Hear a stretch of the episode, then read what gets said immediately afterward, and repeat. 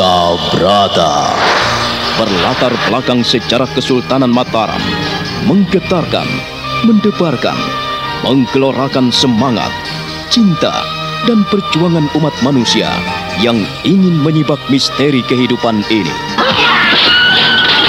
Cerita ini ditulis dan diolah oleh Bu Nergis Muriono, pengarah cerita dan naskah Agung Bahrodi, ilustrasi musik Hari Sabar, teknik dan montase Jenny Mumu, dengan sutradara Ferry Fadli. Kali ini mengetengahkan episode ke-6 dengan judul Roro Sunti.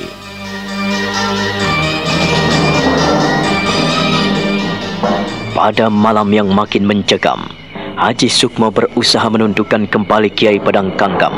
Ia berusaha menjadi warangka yang baik. Dengan kekuatan yang dimilikinya, dia pun akhirnya mampu menyarungkan pusaka Kiai Pedang Kangkam. Seluruh tubuhnya bergetar hebat dan seluruh pori-pori kulitnya mengeluarkan keringat. Butir-butir keringat meluncur dari dahi dan pelipisnya. Nyai Sorok yang memperhatikannya dari kejauhan, dari atas biliknya, hanya bisa ternganga setelah memekik memanggilnya. Mata Nyai Sorok melotot, sungguh tidak percaya melihat suasana di tengah malam dalam gubuknya itu. Duh Sang Yang Murpeng Jagat. Duh Gusti Yang Maha Agung. Hanya puji syukur yang kupersembahkan kepadamu Karena kau memberikan kekuatan kepadaku. Puji syukur kehadiratmu ya Tuhan. Oh Kiai Pedang Kangkam Telah bersemayam Dan memasuki warangkanya. Biarlah abadi Dan hamba mampu menanggungnya. Oh, Sukma. Ah, Haji Sukma.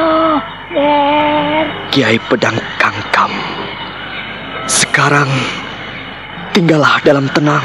Bantulah aku dalam menjejakkan langkah di bumi ini.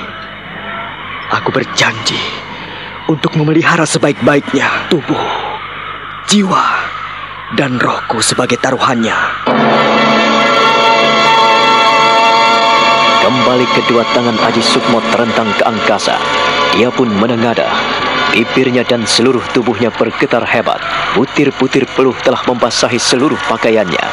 Bahkan pakaian bagian atas telah robek-robek. Seluruh pakaian yang menempel di tubuhnya serasa hancur oleh kekuatan yang maha dahsyat. Kekuatan gaib yang dia sendiri tidak mengetahuinya. Oh, Gusti yang Maha Agung. Puji syukur kepadamu karena kau berikan kekuatan kepadaku. Oh, terasa tentram dan lega hatiku. Karena persoalan ini satu persatu dapat kuhadapi dan kuselesaikan. Der. Der. Haji Sukmo. Ah, ah, Nek, Der. Kau telah menyarungkan pusaka itu lagi. aku sudah tak sabar lagi, Nek. Aku ingin menjadi orang kaya yang baik. Oh, dan sekarang kau berhasil, Der. Semua berkat bimbingan nenek. Haji Sukmo, kau mendapatkan apa yang kau angankan. Kelak kau pasti berhasil memboyong Nyai Sampur Jala Sutra. Nyai Sorok kemudian membantu Aji Sukmo mengelap keringat dan menyingkirkan serpihan-serpihan pakaian anak asuhnya yang compang-camping dan berserakan di lantai. Beberapa hari kemudian, di suatu senja yang indah, Haji Sukmo pergi ke Padang Ilalang di lereng Gunung Pucang Pendowo. Rara Sunti. Rara Sunti. Sukmo, kau telah meletakkan batu ini. Maafkan aku bila baru sekarang aku datang kemari. Tetapi, mengapa kau tidak segera datang? Matahari akan terbenam, langit disepu sinarnya yang merah kekuning-kuningan. Gumpalan-gumpalan awan hitam nampak indah sekali. Oh, seandainya kau datang di sini, alangkah bahagianya hatiku. Aku ingin berkawan denganmu, memenuhi undanganmu. Rara Sunti.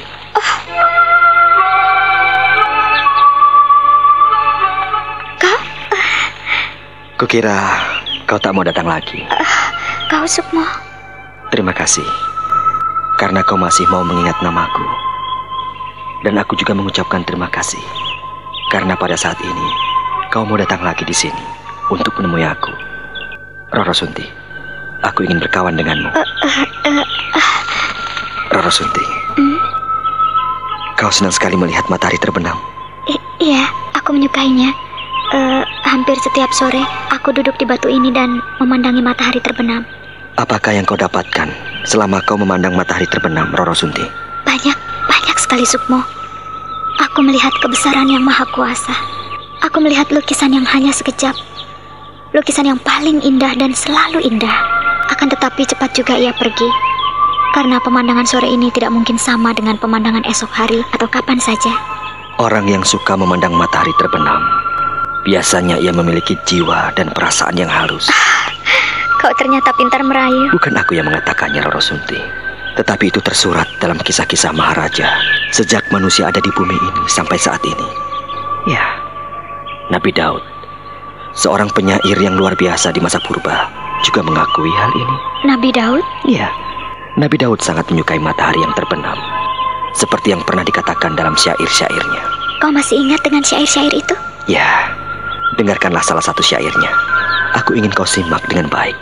Ya Tuhan, berikanlah di hatiku selembut dan sedamai matahari yang sedang terbenam. Agar aku dapat memuliakan namamu dan dapat mengasihi sesamamu.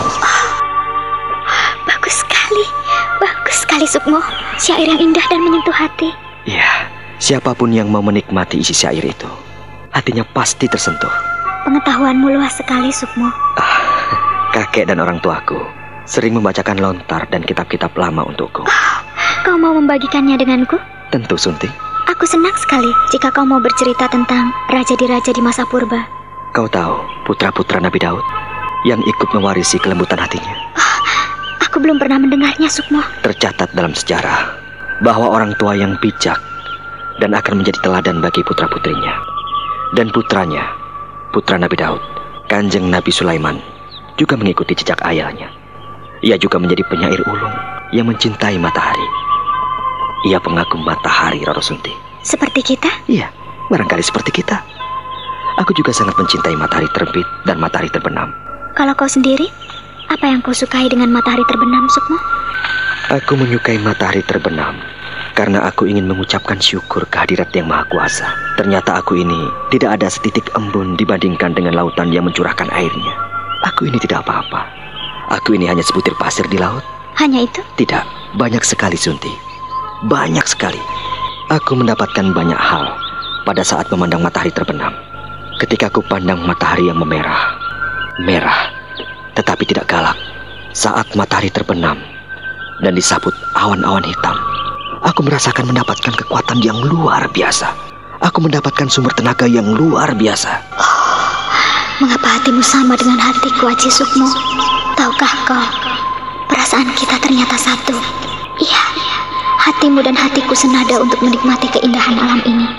Sayang, aku tidak memiliki banyak waktu untuk selalu datang di sini bersama-sama memandang matahari. Roro Sunti, Sukmo, ah, maafkan aku. Aku harus pergi. Aku harus pulang. Aku tidak boleh kemalaman. Lihatlah, matahari sudah dihalangi mega tebal. Aku harus pulang. Ah, Roro Sunti, mengapa kau tergesa-gesa? Bukankah nanti akan muncul lagi kalau awan hitam itu melintas di bawah angin? Kita akan mendapatkan pemandangan yang indah sekali, Roro Sunti. Tidak, Sukmo. Terima kasih. Aku harus pulang. Roro Sunti, kau tersinggung dengan kata-kataku. Ah, tidak, Sukmo. Tidak. Kalau tak marah, mengapa kau buru-buru akan pulang? Sukmo, perhatikanlah. Matahari hampir lenyap di cakrawala. Aku harus pulang. Sayang, waktu yang indah ini hanya sebentar kita lalui. Roro Sunti, kutunggu kau besok sore di sini pada waktu yang sama. Aku tidak tahu, Sukmo. Aku tidak berjanji.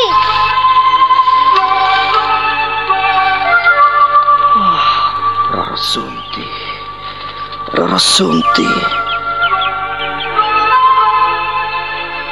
Roro Sunti berlari-lari kecil meninggalkan Aji Sukmo. Sekali-sekali gadis itu menoleh ke belakang dan melanjutkan lari lagi. Aji Sukmo ingin mengejarnya, tetapi ketika dia sadar akan dirinya, dia pun berdiri dan berhenti.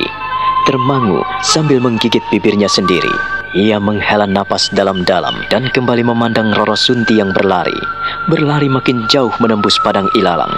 Kepala Roro Sunti menghitam dan makin kecil. Kadang-kadang hilang, kadang-kadang menyembul di antara kembang-kembang ilalang.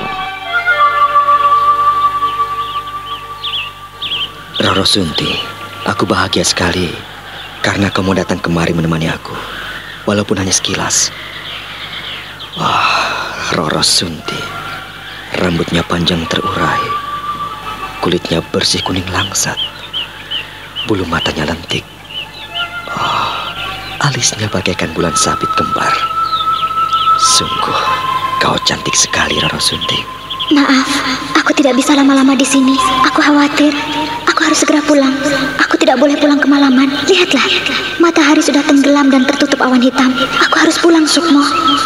Kutahan pun sia-sia, Roro Sunti.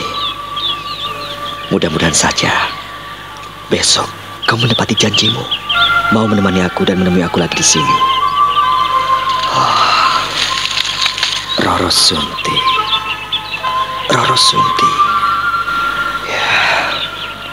Seharusnya kau tidak menderita seperti itu.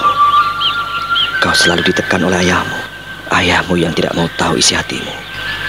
Yang tidak mau mengerti perasaan hatimu. Dapatkah aku memberikan kelegaan kepadamu, Roro Sunti?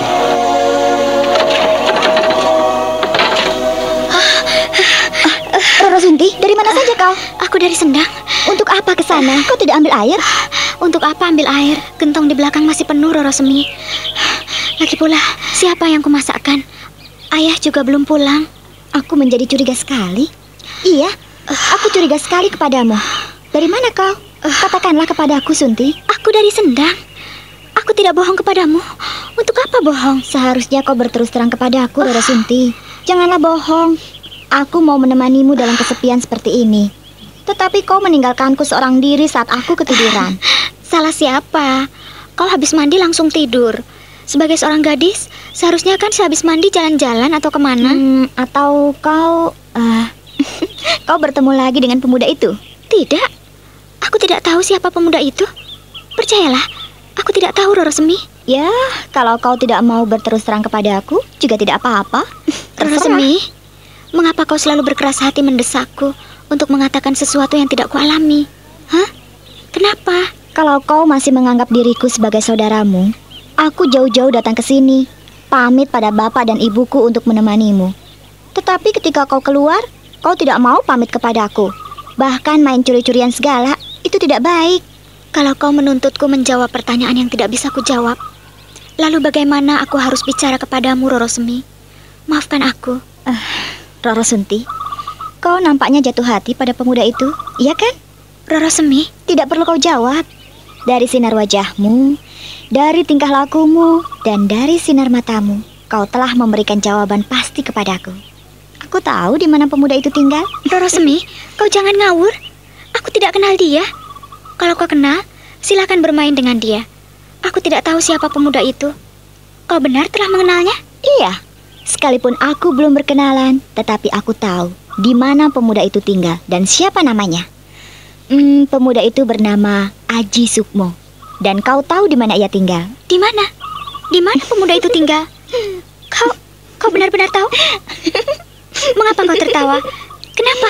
Kenapa kau tertawakan aku, Roro Semi? Ada yang lucu? hmm, betul kan nama pemuda itu Aji Sukmo? Hah? Betul tidak? Siapa yang memberitahukan nama itu kepadamu, Roro Semi? Kau tahu dari mana? Roro Sunti, Roro Sunti. Kau ini lucu sekali. Kau sendiri yang memberitahu. Mata Roro Sunti terbeliak ketika mendengar jawaban Roro Semi. Dia sungguh tidak percaya pada jawaban saudara sepupunya itu. Dia memandang saudaranya lekat-lekat dan berpikir keras apa saja sebetulnya yang telah diketahui oleh Roro Semi.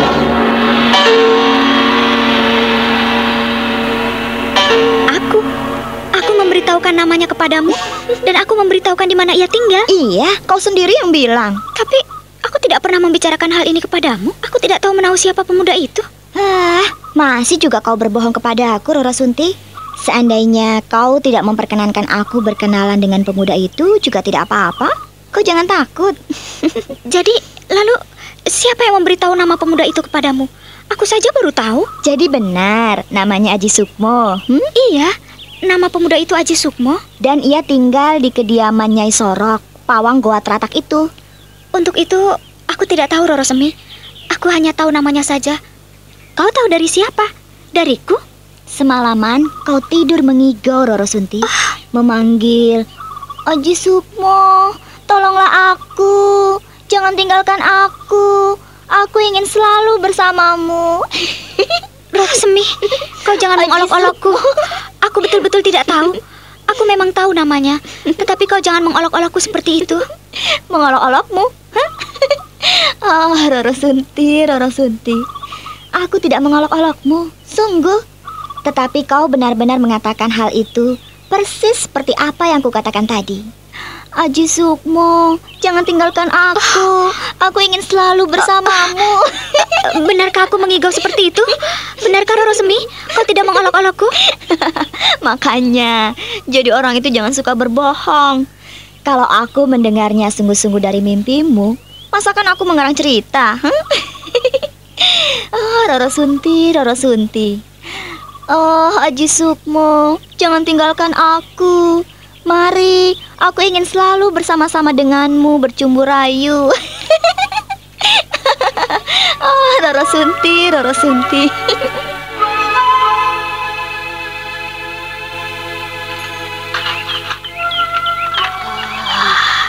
Nampaknya kalian serasi benar ya. Apanya yang serasi, Nek? Ah, Nenek ini ada-ada saja. gayung bersambut, kayu dayung satu dua pulau terlampau. Kau di sini ingin menjinakkan Nyai Sampur Jala Sutra, ha? tapi yang lain juga kau dapatkan. Hmm. Apa yang Nenek maksudkan? Aku tidak tahu, Nek. Hmm. Nah, gadis cantik itu nampaknya Katakanlah terus terang, Nek. Membuka hati untukmu, Sukmo. Nenek ini ada-ada saja. Aku tidak pernah memikirkan dan berpikir seperti itu. Tak pernah berpikir tentang gadis itu. Untuk apa? Menjelang petang masih duduk termangu di atas batang kayu yang telah lapuk. Kecewa karena ditinggalkannya. Hah? Nenek. Ah, waktu nenek jatuh cinta. Nenek memang ingin selalu bersama dan nenek tak ingin berpisah, walau hanya sekejap. Tetapi nenek harus bisa menerima, karena nenek belum dipersatukan. Jadi, kalau hati sedang kasmaran, kita akan selalu ingin bersama si pujaan hati. Nek, mm, aku tidak kasmaran. Aku tidak jatuh cinta. Ah, Aku, Hanya ingin berkawan dengan Roro Sunti. Nenek selalu mengintipku ya. Ah, untuk apa mengintip? Nenek ini sudah rabun. Nanti malah nenek cepat buta kalau suka ngintip. Dia, Oh, dia cantik ya, Nek.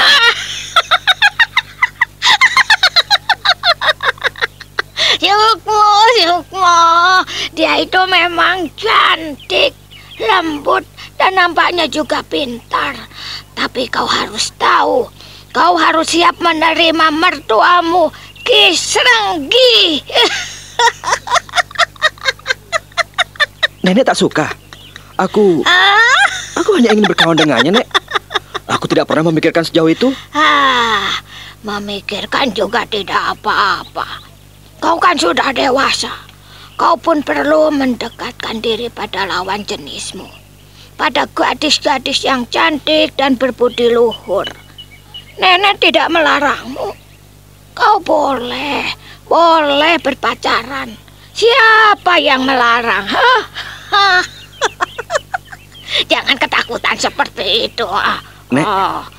Nenek bicara apa? Nenek berbicara tentang kisi-kisi hati yang mencium harumnya bunga melati di malam hari.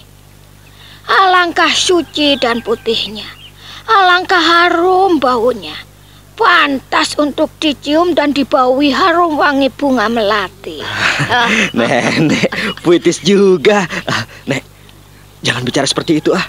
Oh. Sukmo jadi malu. Benar, Nek. Saya tidak bermimpi. Loh. Saya tidak berkhayal untuk mendekati eh, Roro Sunti. Saya hanya ingin berkawan, Nek. berkawan. Iya.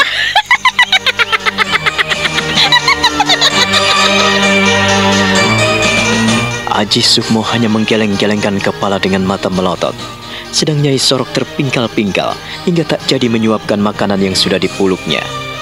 Sukmo pura-pura tak mau tahu, lalu dia pun sibuk makan ubi talas yang telah direbus oleh Nyai Sorok dan sesekali menyeruput wedang jahe hangat di depannya.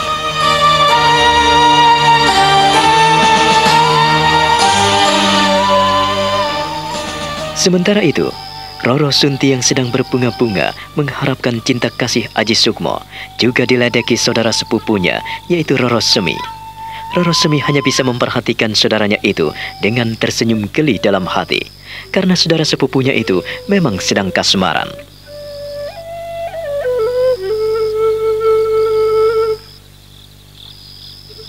Aku sebetulnya belum tahu siapa pemuda itu, Semi. Sungguh, aku tidak bohong kepadamu. Aku pun tidak menuntut kepadamu, Sunti. Kau sudah tahu atau tidak? Namun orang-orang di teratak ini, orang dadapan, dan orang-orang goa sudah mengerti siapa pemuda itu. Kau sendiri bagaimana? Hmm, terus terang, aku penasaran sekali ingin melihat pemuda itu. Eh, kau mau? Besok pagi-pagi sekali kita pergi ke Gua Teratak. 200 kaki dari Gua Teratak itu ada sebuah bangunan kecil rumah Nyai Sorok. Ada apa dengan mereka? Untuk apa ke rumah Nyai Sorok? Ya untuk membuktikan Sunti bahwa pemuda itu tinggal di rumah Nyai Sorok. Kau jangan gegabah, Semi. Nyai Sorok itu seorang penyihir jahat. Siapa bilang Nyai Sorok itu penyihir? Ah, Kau ini Sunti? Ayahku bilang kalau Nyai Sorok memang penyihir jahat. Kalau bukan penyihir jahat, mana mungkin dia jadi pawang di Goa Teratak? Sehingga tidak ada yang berani main-main dengan Nyai Sorok. Tidak. Aku tidak percaya kalau Nyai Sorok seorang penyihir. Kita harus membuktikan lebih dulu omongan orang itu. Kalau kau mau membuktikan sendiri, terserah. Aku tidak mau. Jadi bapakmu bilang kalau Nyai Sorok itu seorang penyihir yang jahat? Iya, Nyai Sorok adalah seorang penyihir jahat. Perempuan itu bisa membuatmu lenyap dari tempatnya dan kau akan menjadi kawanan peri perayangan. Lebih-lebih kau perempuan cantik. Nah, kau tahu kan kenapa Nyai Sorok tinggal seorang diri? Mana suaminya? Hmm? Kau kan tidak tahu dia? Kau tidak tahu bagaimana dia hidup? Yang aku tahu, Nyai Sorok adalah seorang pawang penunggu Gua Teratak itu.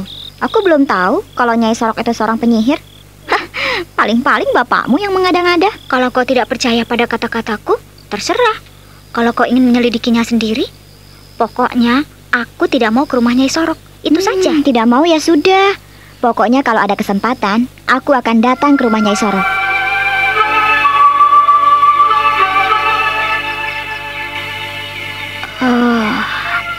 Sudah beberapa malam kau kurang tidur, Nger.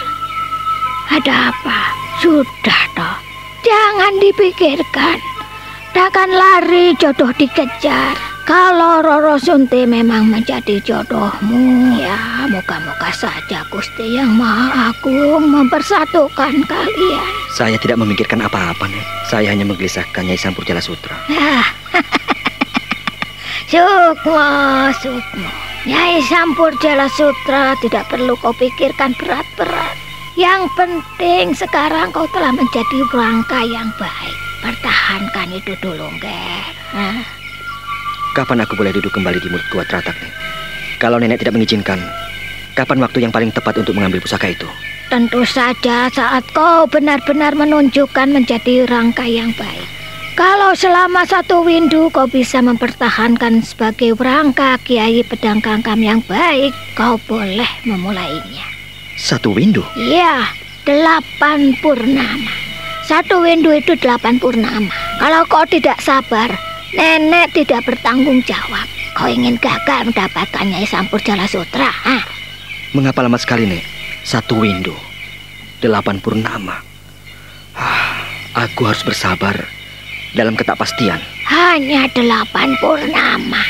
Nenek ini dari lahir sampai menjadi tua bangka seperti ini tetap dalam penantian yang tak pasti, Nger.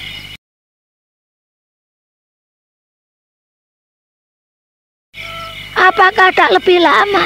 Hah? Apakah tidak jemu nenek menghadapi kehidupan dari hari ke hari hanya menunggu sebuah goa? Kau tidak berpikir tentang hal itu, Nger. Nenek sudah tua, sedangkan aku masih muda. Aku masih menginginkan banyak hal, Nek. Apa yang kau perlukan dalam hidupmu? Makan dan minum cukup. Kau tidur pun bisa nyenyak. Pakaian, ya nenek tak bisa membelikan pakaian yang indah-indah. Masalahnya bukan itu, Nek. Aku... Aku tahu, aku tahu. Orang yang muda membutuhkan makan yang enak, tidur yang nyenyak di tempat yang nyaman dan pakaian yang indah-indah. Tapi dengarkanlah, nenek moyang renta ini yang sebentar lagi sudah mati. Pakaian seseorang bukanlah karena mengenakan busana yang indah dan mewah. Pakaian bagi seseorang, Ger, yang penting adalah kepribadiannya. Apa yang tercermin di dalam kehidupanmu sehari-hari. Tingkah lakumu, tutur katamu, sifatmu, itulah busana yang paling baik dalam hidupmu. Lebih-lebih kau masih muda. Iya, Nek. Bapak dan ibuku nenek dan kakekku juga pernah bilang seperti itu. Jadi, pakaian seseorang bukanlah busana yang mewah, Ger. Tetapi pantas asal tidak ketinginan dan kepanasan itu sudah cukup. Yang penting bagaimana hati dan pikiranmu bersih dari pikiran jahat. Jangan suka melukai hati sesamamu. Buatlah sesamamu senantiasa senang. Kau harus tahu apa yang kau lakukan. Kalau kau tidak suka disakiti orang lain, ya janganlah membuat kebodohan-kebodohan yang membuat sakit hati orang lain. Nah, inilah pakaian yang paling penting dalam hidup kita. Iya, saya banyak belajar dengan nenek. Iya, Nek.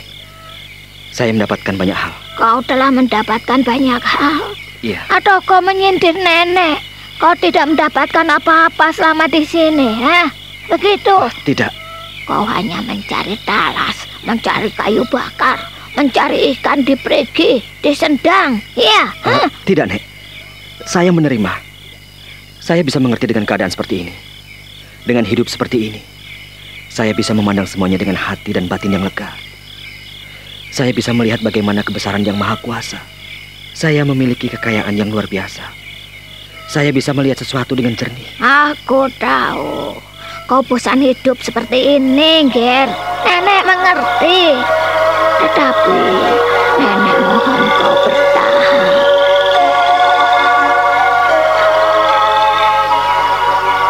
Beberapa saat lamanya, Sukmo dan Nyai Sorok hanya diam. Sukmo bangkit dari duduknya, lalu duduk di bawah lutut Nyai Sorok. Perempuan tua itu mengelus-elus kepala anak asuhnya dengan tangannya yang tua dan gemetar.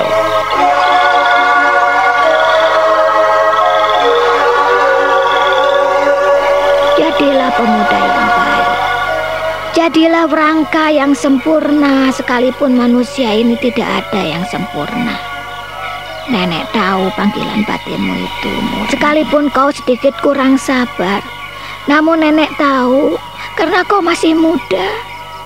Jadi suatu saat kau akan memahami juga bahwa apa yang nenek katakan ini benar.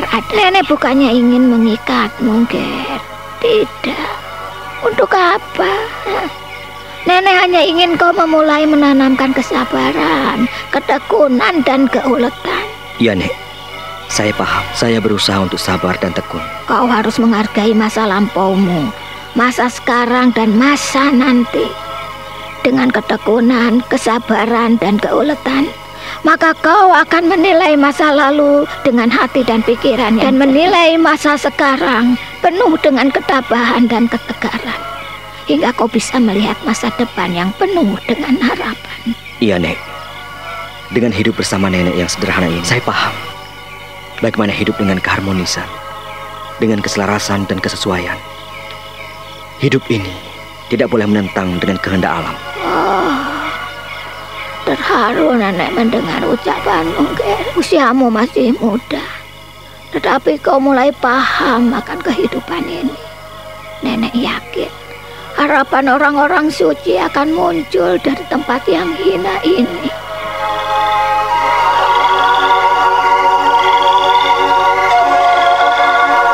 Seperti orang yang tak berdaya, Sukmo kembali mencium punggung kaki Nyai Sorok. Hatinya penuh dengan keinginan yang luhur. Jantungnya berdegup, terasa makin cepat, dan ia tersenyum penuh dengan harapan. Suatu pagi, dia pun pergi ke Sendang Telon. Ia menikmati alam teratak yang mempesona. Dan setiap kali ia duduk di atas batang kayu kering yang rubuh di telan badai, maka banyak satwa liar yang berkumpul mengerumuninya.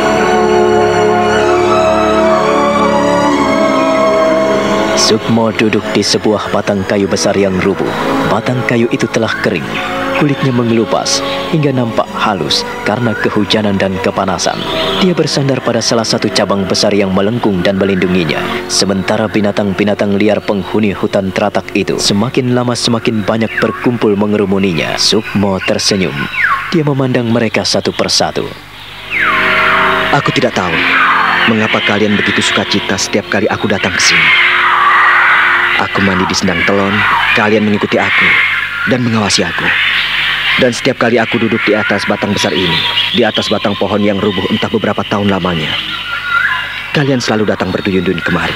Ah, aku terharu sekali. Kalian datang berpasang-pasangan, bahkan kalian beranak pinak datang berduyun-duyun ke sini. Ya, kalau Tuhan menciptakan kalian berpasang-pasangan, barangkali kalian mendorong saya untuk segera mendapatkan pasangan hidup.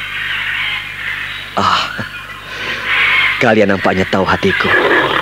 Loreng, kemarilah mendekat. Kalian nampaknya pasangan baru. Kalian memamerkan taring-taring kalian yang masih tajam. Kemarilah, mendekat padaku. Oh, aku kagum dengan taring-taring kalian. Aku kagum dengan bulu-bulu indah dan coraknya. Aku kagum dengan kuku-kukumu yang tajam. Tapi kalian tidak menunjukkan keganasan kepadaku kalian menunjukkan persahabatan kepadaku. Aji Sukmo membelai kepala dua ekor harimau muda itu. Satu di samping kirinya dan seekor lagi di samping kanannya. Harimau itu mengendus-endus dan mencium dada Aji Sukmo. Aji Sukmo mengelus-elus mereka penuh dengan kasih sayang. Ya, aku senang sekali bisa bersahabat dengan kalian. Dan ternyata kalian pun mengetahui hati dan pikiranku. Saat ini aku resah. Loreng-lorengku tersayang. Aku gelisah. Aku memikirkan seorang gadis cantik yang saat ini dibelenggu oleh ayahnya. Roro Sunti. Iya, gadis itu namanya Roro Sunti. Gadis itu selalu ketakutan apabila menemui orang lain. Andaikan kalian bisa menyampaikan salamku dan mengajaknya datang kemari. Aku pasti akan bahagia sekali. Suatu ketika aku ingin mengajaknya kemari, bermain-main dengan kalian. Tapi kapan, aku tidak tahu. Adakah di antara kalian yang mau menjemput Roro Sunti? Adakah yang mau? Hah? Kau? Kau, Loreng? Jangan. Kalau kau datang pada Roro Sunti, bukannya ia mendekat kepadamu, tetapi ia akan lari terpirit-pirit karena ketakutan. Dia gadis yang cantik dan lembut hati. Mana berani dekat denganmu? Kau benar ingin mengajak Roro Sunti? Tapi jangan sekarang. Aku ingin memperkenalkan kalian kepada jantung hatiku. Kalau belum kuperkenalkan, mana mungkin ia berani? Ia gadis pemalu dan penakut. Baiklah, kalau kalian ingin membantuku, aku berjanji. Suatu ketika, ia akan kuajak kemari.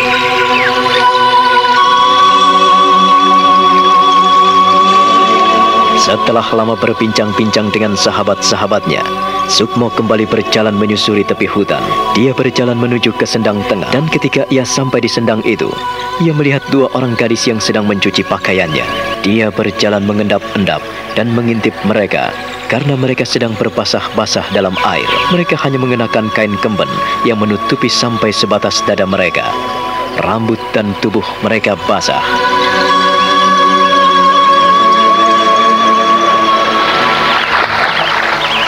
Itu sering mandi di sini semua.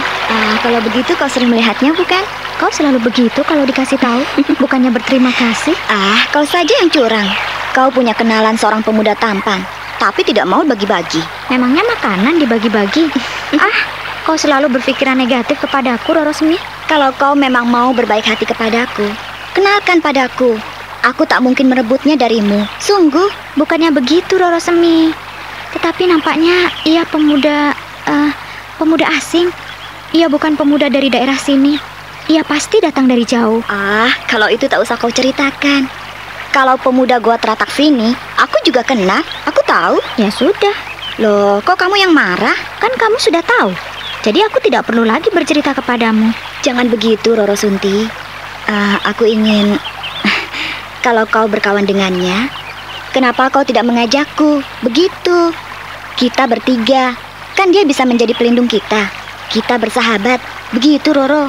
Kalau perlu, Siri pun akan kuajak. Jangan, jangan kau ajak Siri. Dia kan eh, Memangnya kenapa? Takut kau mendapat saingan berat. Begitu ya? bukan eh, tidak, tidak itu maksudku Semi. Tetapi Siri itu jahat. Dia suka mau menang sendiri saja. Kalau punya kenalan pemuda yang cakep, uh, mana mungkin ia ingat pada kita.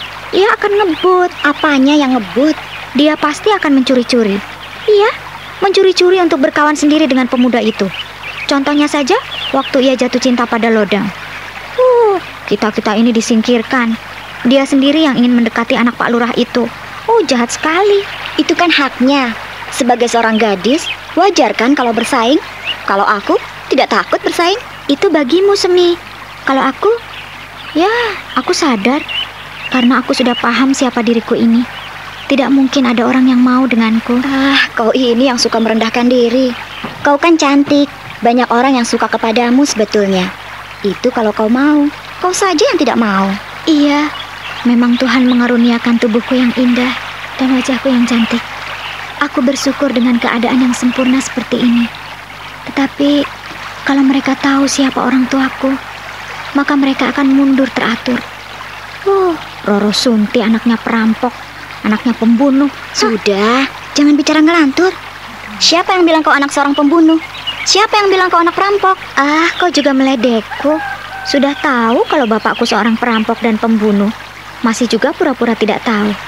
Kau sendiri hampir tidak mau bergaul denganku kan? Nah, kenapa kau suka tersinggung, Sunti? Aku tetap menganggapmu sebagai saudaraku.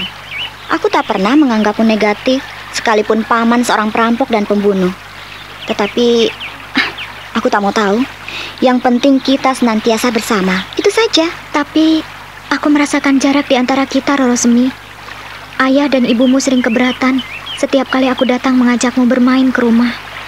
Ah, rasanya serba salah. Kau jangan begitu, Sunti. Kau tidak boleh seperti itu. Bapak dan ibu bisa menerima.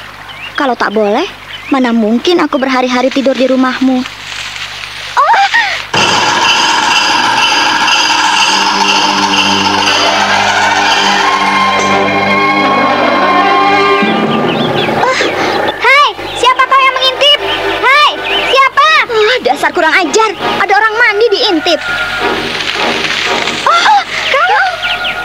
Maafkan aku.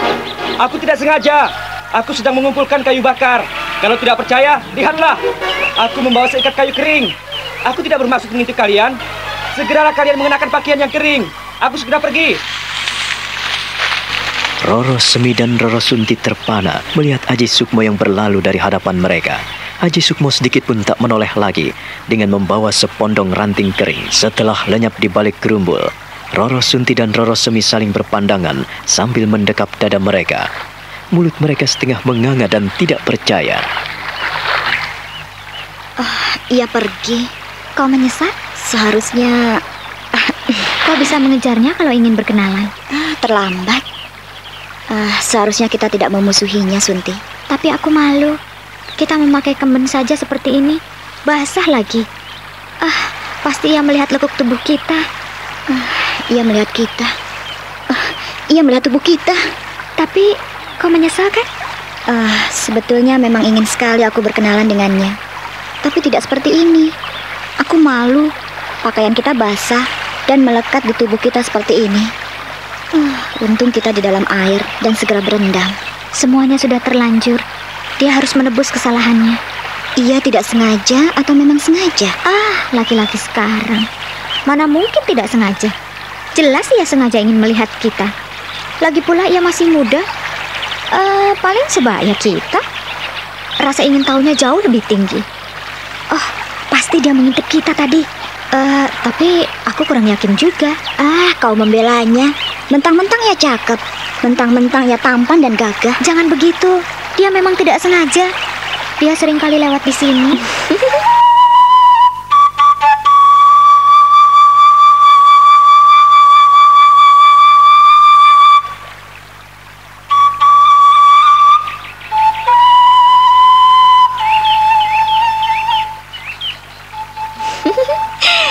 ketahuan.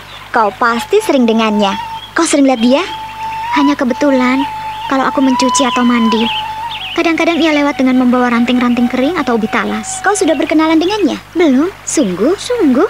Hmm, mengapa kau memandangku seperti itu? Karena aku tidak percaya kepadamu kalau kau baru mengenalnya dan belum berkenalan dengannya. Jika belum mengenalnya, tentu saja kau tidak seperti itu. Kau tidak percaya padaku, Rara Semi? Untuk kesekian kalinya, aku tidak percaya. Kau nampaknya sudah akrab dengannya. Dari mana kau tahu? Dari pandang matamu. Dari perlindunganmu padanya. Seakan-akan kau menyuruhnya segera pergi. Kau tidak memberi kesempatan kepada aku untuk berkenalan dengannya. Rara Semi, aku salah menilai. kau seorang gadis, aku juga seorang perawan. Hatimu dan hatiku tentu tidak jauh bedanya. Rara Semi, sekarang kau harus berterus terang kepadaku. Katakanlah, kau tak perlu menutup-nutupinya. Kalau kau memang menyukainya, aku setuju dan aku tidak akan merebutnya darimu. Kau adalah saudaraku, Sunti. Kalau kau ingin mendapatkannya, ya, aku doakan. Aku setuju. Dia nampaknya memang bukan pemuda yang ugal-ugalan. Benar begitu? Iya, silahkan.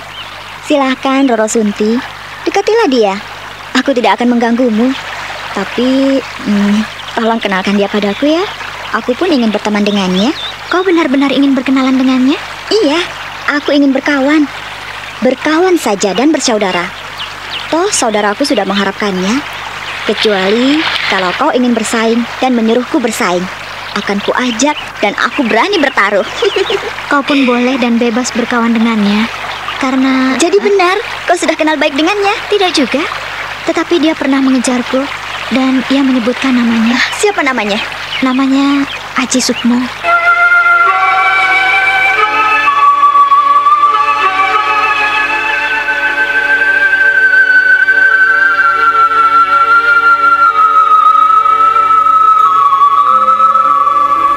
Roro Semi tersenyum.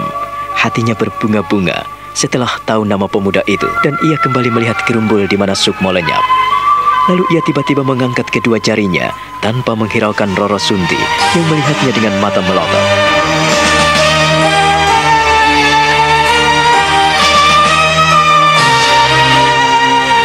Nah, apa yang akan dilakukan oleh Roro Semi? Saudara pendengar, silahkan menunggu seri berikutnya dalam serial Wahyu Astabrata ini. Sampai jumpa.